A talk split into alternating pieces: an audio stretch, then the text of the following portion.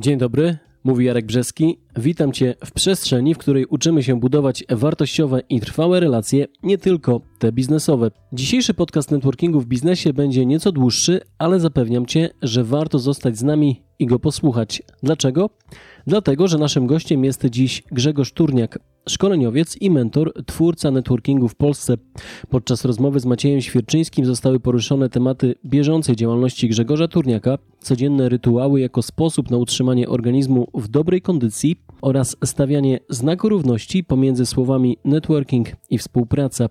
Dodajmy, że nagranie powstało na podstawie wideo opracowanego przez Macieja Świerczyńskiego, dyrektora regionalnego BNI Polska i które jest dostępne w całości na kanale YouTube Networking w Biznesie. Miłego słuchania, zaczynamy! Witajcie bardzo serdecznie. Dzisiaj szczególny odcinek. Dzisiaj szczególny z uwagi na to, że jest w nim Grzegorz Turniak. Cześć Grzegorz. Dzień dobry. Chciałbym Wam chwilę przed, przedstawić Grzegorza. Grzegorz jest je, jednym z moich mentorów, który prowadzi mnie przez świat networkingu od samego początku. Ja uważam osobiście, że Grzegorz jest twórcą networkingu w Polsce. Wydał mnóstwo książek. Zobaczcie. Profesjonalny networking, świetna książka. Poradnik networkingu, tak? Tutaj w tej książce, Zanurz się w błękitnym oceanie, Mam nawet kilka stron y, swoich, tak? Tutaj jest wywiad ze mną, też jak wykorzystałem networking do rozwoju swojej firmy. No i też książka ostatnia, Nigdy nie stój sam. Jest to książka, która e. Sama dla kobiet, sam dla mężczyzn. Są dwa egzemplarze. Tak, nigdy nie stój sama i nigdy nie stój sam.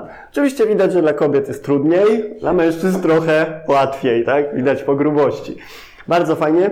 E, te książki są 100% praktyczne, jak wykorzystać networking do rozwoju swojej firmy, do rozwoju siebie, bo networking jest metodą na rozwijanie również siebie.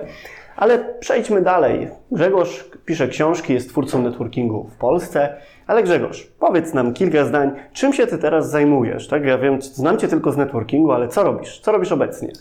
Cóż, kiedy dwa i pół roku temu sprzedałem to, co rozkręcałem przez kilkanaście lat, sprzedałem dla Ryszarda Chmury i Mateusza Byceńskiego, to rozkręcam firmę, którą już właściwie w trakcie działania operacyjnego zarządzając BNI miałem, Akademię Rekomendacji. Zmieniłem tylko skład wspólników, dobrałem sobie wspólniczkę i robimy, można powiedzieć, takie cztery rzeczy. Pierwsza, comiesięczną konferencję Akademia Grzegorza Turniaka.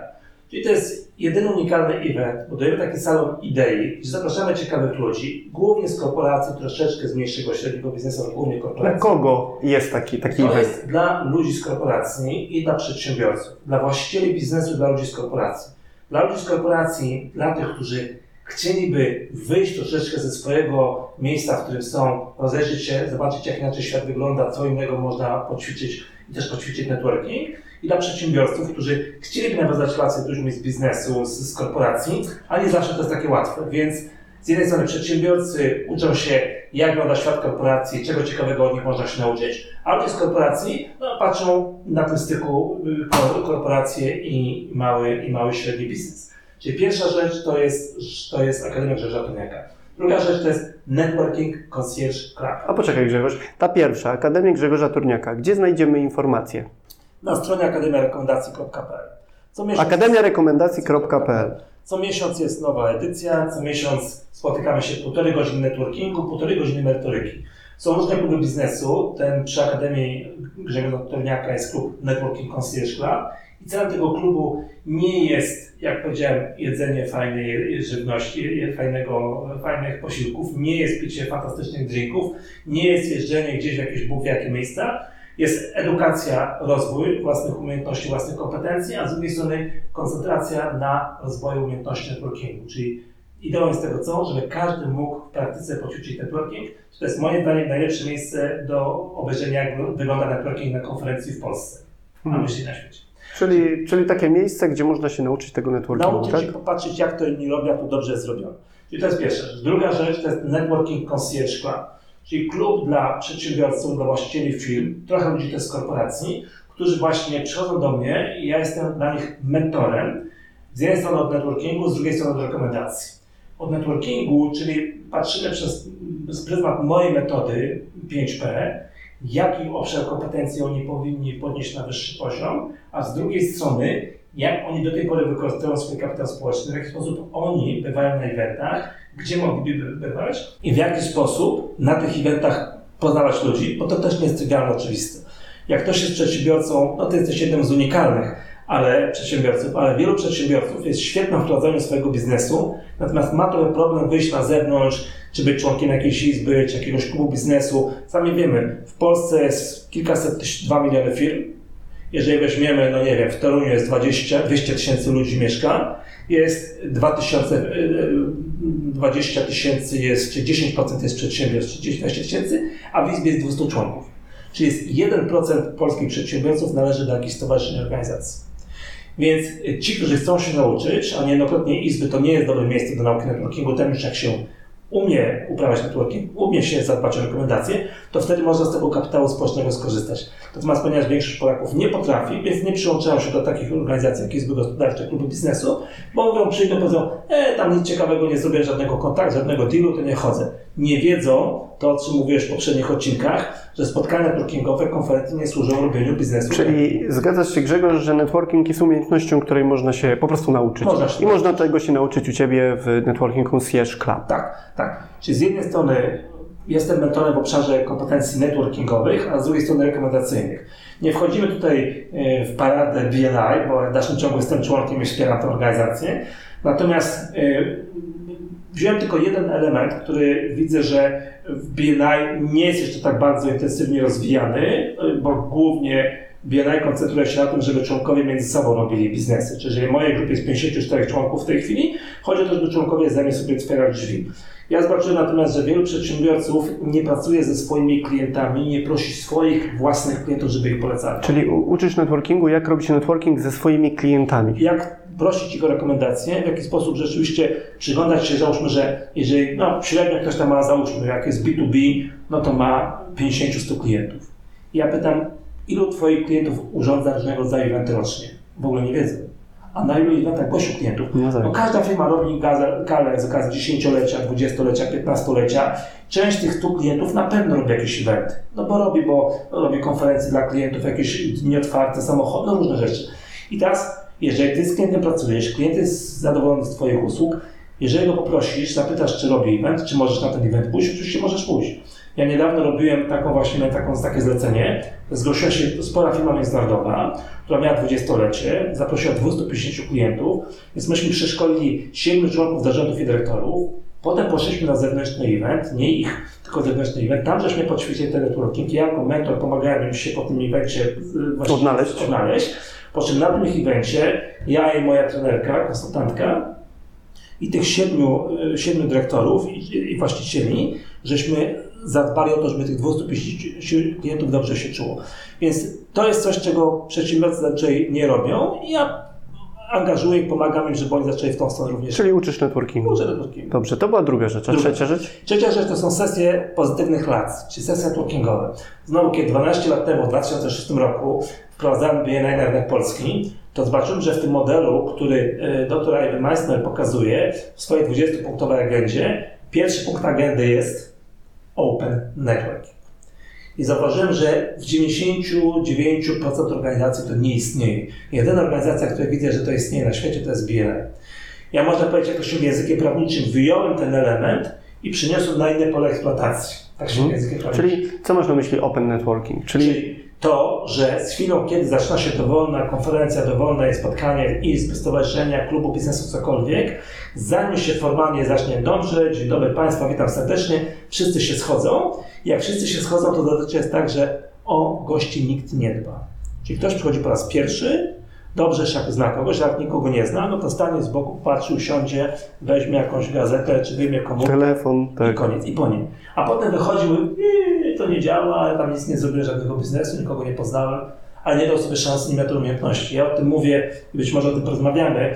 Mam na YouTubie takie wystąpienie Towarzystwa Wzajemnej Adoracji, no i być może też ktoś będzie to sobie takiego tipa też damy krótkiego. Czyli my dbamy o to, żeby na dowolnym evencie biznesowym była część networkingowa. Czyli żeby byli przeszkoleni ludzie, żeby to się działo. Czyli przykładowo ktoś organizuje event i wy jesteście jakby zatrudniani Tak. po to, żeby zrobić open networking, czyli żeby się ludzie poznali. Poznali. Żeby nie było takiej sytuacji, że, że przychodzą ludzie, jak powiedziałem, stoją, nikt się nimi nie opiekuje, nie jest łatwo, wiesz, podejść do obcej osoby, zagadać. Jednak jest tak, że na eventach 70% ludzi nie czuje się komfortowo. Ci, którzy są stałymi polewcami, no, rozmawiają z tymi, których już znają. Nie ma za wielu takich ludzi jak ty czy ja, którzy to, co robią, tak widzą nową osobę wchodzącą, podchodzą do niej, dzień dobry, skąd się o naszej imprezie dowiedziałaś, bardzo się cieszę, że cię widzę, ale jaki masz cel na dzisiejszy event? Tak się nie dzieje, zobacz, bardzo niewielu ludzi tak robi. Tak, ja rzeczywiście się. tego uczę. Zresztą doktor Majster też tego uczy, ale wiem jak to powoli idzie. Ja zajmuję się networkingiem od 2006 roku do 2008, tak? Tak. I, i, I patrz, w dalszym ciągu jest jeszcze praca do zrobienia. No i tak, tak. Czy to jest trzecia rzecz, to są sesje networkingowe na firmy na zbiorach podziemnych, różnego rodzaju gale, konferencje, dni otwarte, seminaria, warsztaty. Impreza 20 osób. Oczywiście im większa, tym lepiej, ale przy małych imprezach typu 20 osób tak samo. Czwarta rzecz to są y, programy roz- rozwojowe szkoleniowe. Czyli firma ma 10, 20, 50 handlowców i mówi, Grzegorz, chciałbym, żeby ci moi handlowcy albo na targach, albo na konferencjach wiedzieli, jak się zachować. Żeby bardzo często kancelarie prawne, no bo wiadomo, oni pracują z sobą. Oni, Tak. wiedza jest ta sama we wszystkich kodeksach, w związku z czym tam jest tylko po prostu z sobą pracować. Więc trzeba się nauczyć pracować tak, żeby klienci chcieli z nimi rozmawiać, żeby oni byli postrzegani jako zaufani doradcy, jako eksperci. A ponieważ niestety zazwyczaj no, konsultanci to są analityczne mózgi, w związku z czym niechętnie podchodzą, niechętnie te relacje nawiązują, niechętnie pomagają tym ludziom, więc my tego uczymy.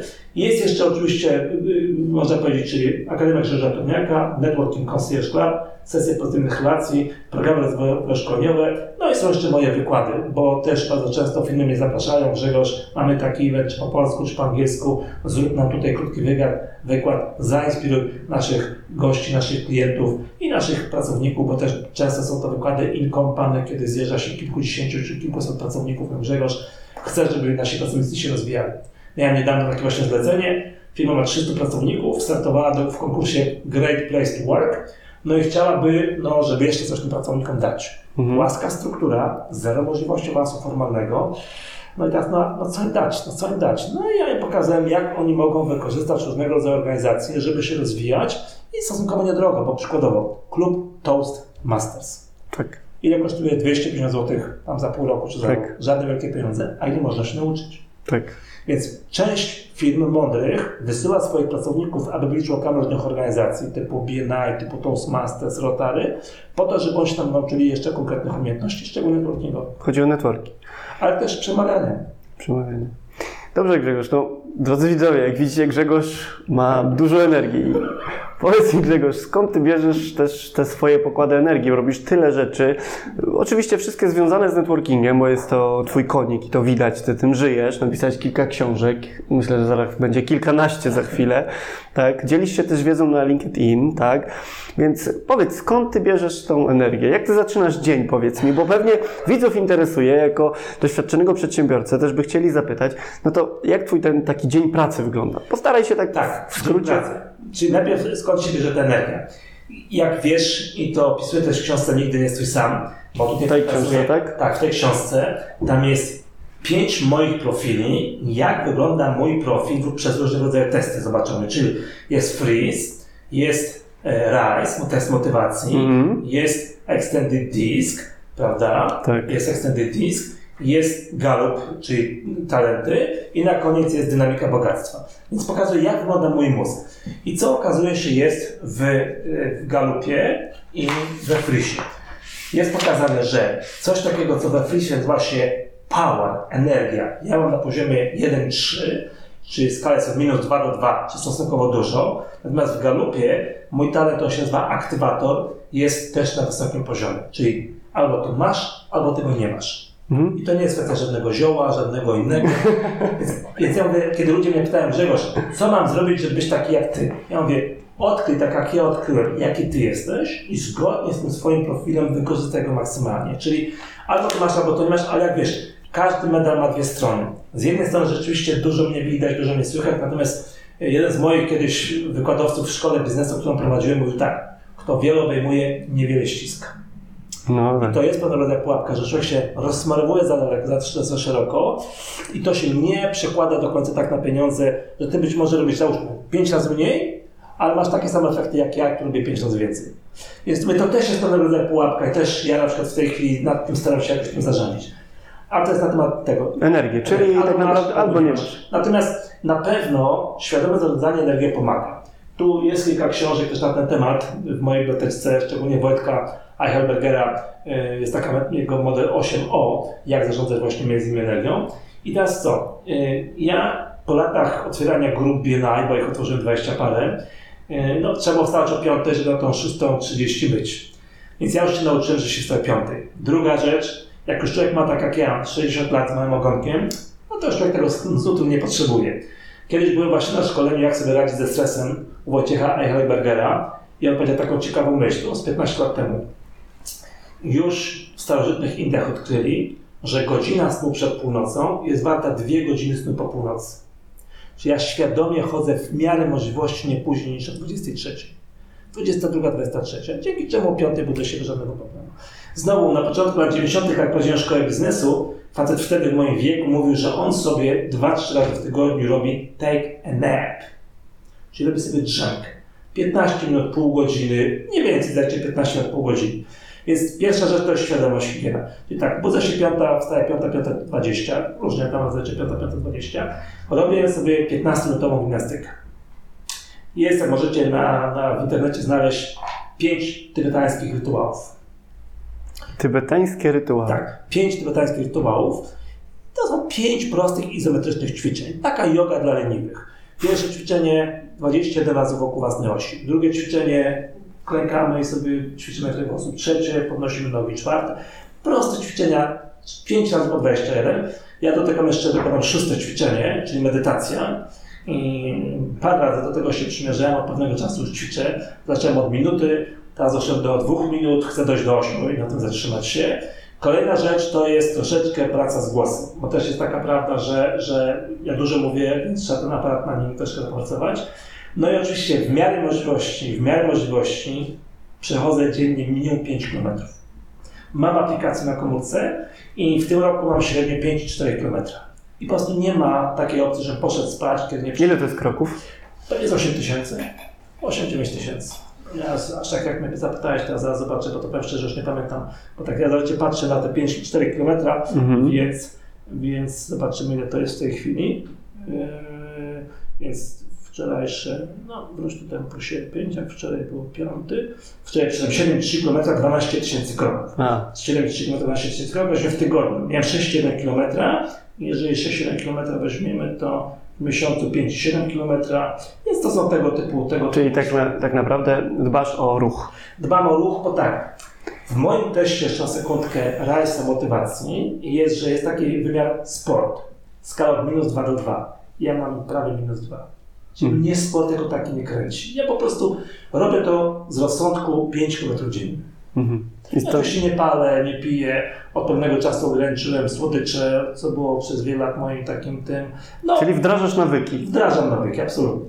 Mhm. A jak twój dzień wygląda oprócz... To był poranek, tak? Y, Też od pewnego czasu jestem zafascynowany taką ideą pracy głębokiej, czyli mniej więcej do godziny, półtorej To, godziny. rozumiem, że to jest książka, prawda? Książka, tak, książka Kala Nieporta na temat tego, żeby blokować rzecz, które robię i robić te ważne w takim czasie, kiedy człowiek jest najbardziej poczęty, czyli gdzieś tam do 12. Jest takie, mam dwa bloki po półtorej godziny, przedzielone tam śniadankiem, jakimiś różnymi rzeczami.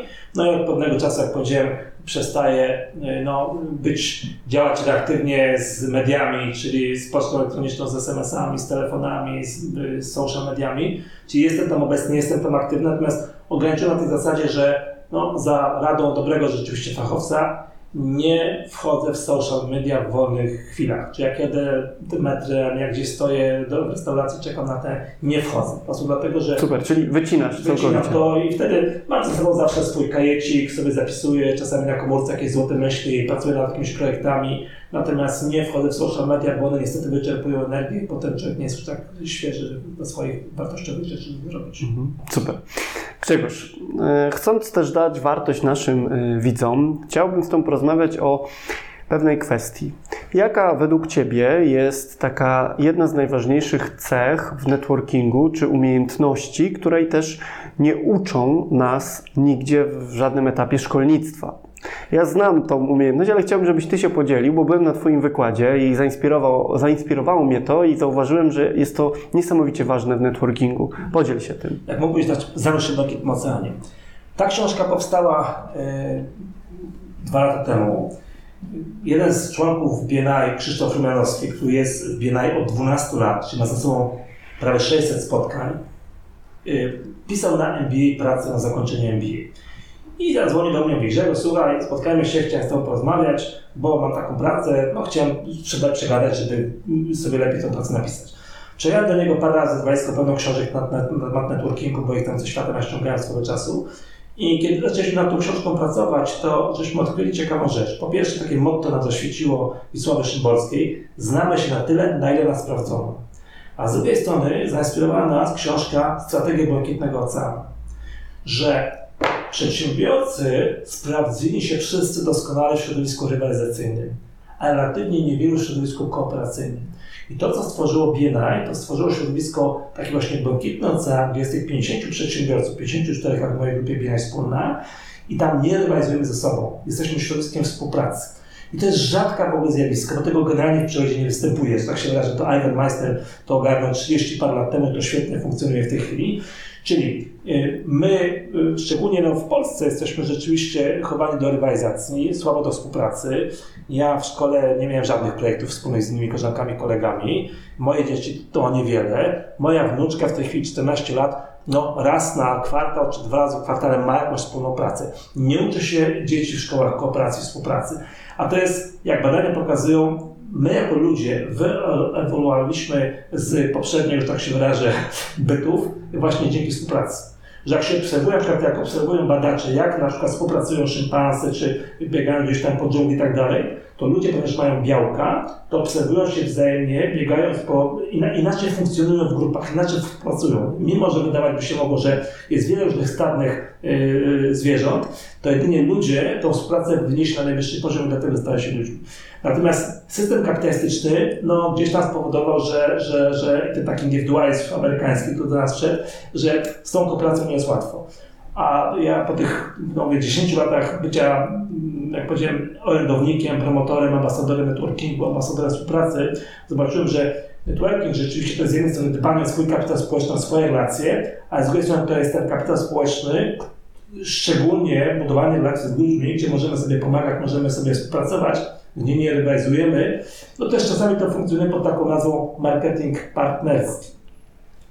Że firmy świadomie, te, ci duży dostawcy budują między swoich dostawców, ci duży, duży, duży procenci i zachęcają tych dostawców, żeby ze sobą współpracowali. Jest to na takim mega poziomie korporacyjnym, natomiast na takim jak jest BNI, te firmy 10, 20, 50, 100 osób, to rzeczywiście ta współpraca to jest rzecz unikalna i, i tutaj myślę sobie, że to jest coś, co, co BNI ma ogromną misję w Polsce ja jestem dumny z tego, że te 12 lat temu, w 2006 roku, jak sprowadziłem Biennale do Polski, to rzeczywiście wydawałoby się, że tutaj to nie zadziała, no bo w Polsce nie ma zaufania, prawda? Mówią, że w Szwecji 70% ludzi sobie ufa, a w Polsce 18%. Więc troszeczkę w tym dowcipie z batą, gdzie dwóch handlowców telegrafuje do baty szepie, nic nie sprzedamy, bo w tej Afryce wszyscy chodzą boso, a drugi szepie, sprzedamy bardzo duże, bo w tym wszyscy chodzą boso. Więc ja zobaczyłem, e, prawda, tutaj tą możliwość, że skoro Polacy słabo współpracują, no to rzecz była bardzo prosta. Kiedy przyjechałem, pierwszy raz na spotkaniu BNI byłem 13 grudnia 2005 roku w Londynie, obejrzałem jak to działa, powiedziałem wchodzę, pojechałem do Szwecji na szkolenie, w ciągu miesiąca wykonałem półtora tysiąca telefonów, zaprosiłem półtora tysiąca swoich znajomych, przyszło 144 i dwa miesiące później była pierwsza grupa, trzy miesiące była druga grupa. Czyli ja zgodnie z tym, czego mnie Amerykanie uczyli na początku lat 90., jak być change agentem, jak być agentem zmiany, że nie przejmuję się całym społeczeństwem, nie przejmuję się w tym sensie, że kiedy robię biznes, to szukam tego jednego procenta ludzi, którym ta idea się podoba.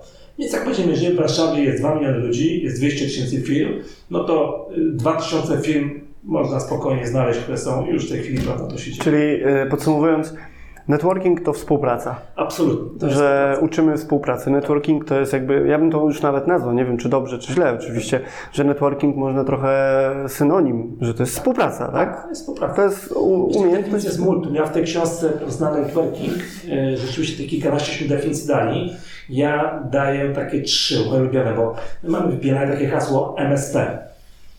I ja też myślę taką definicję MSP, że to jest metoda osiągania wartościowych celów. Jeżeli masz wartościowy cel, łatwiej go osiąga, kiedy masz życzliwych współpracujących z tobą ludzi.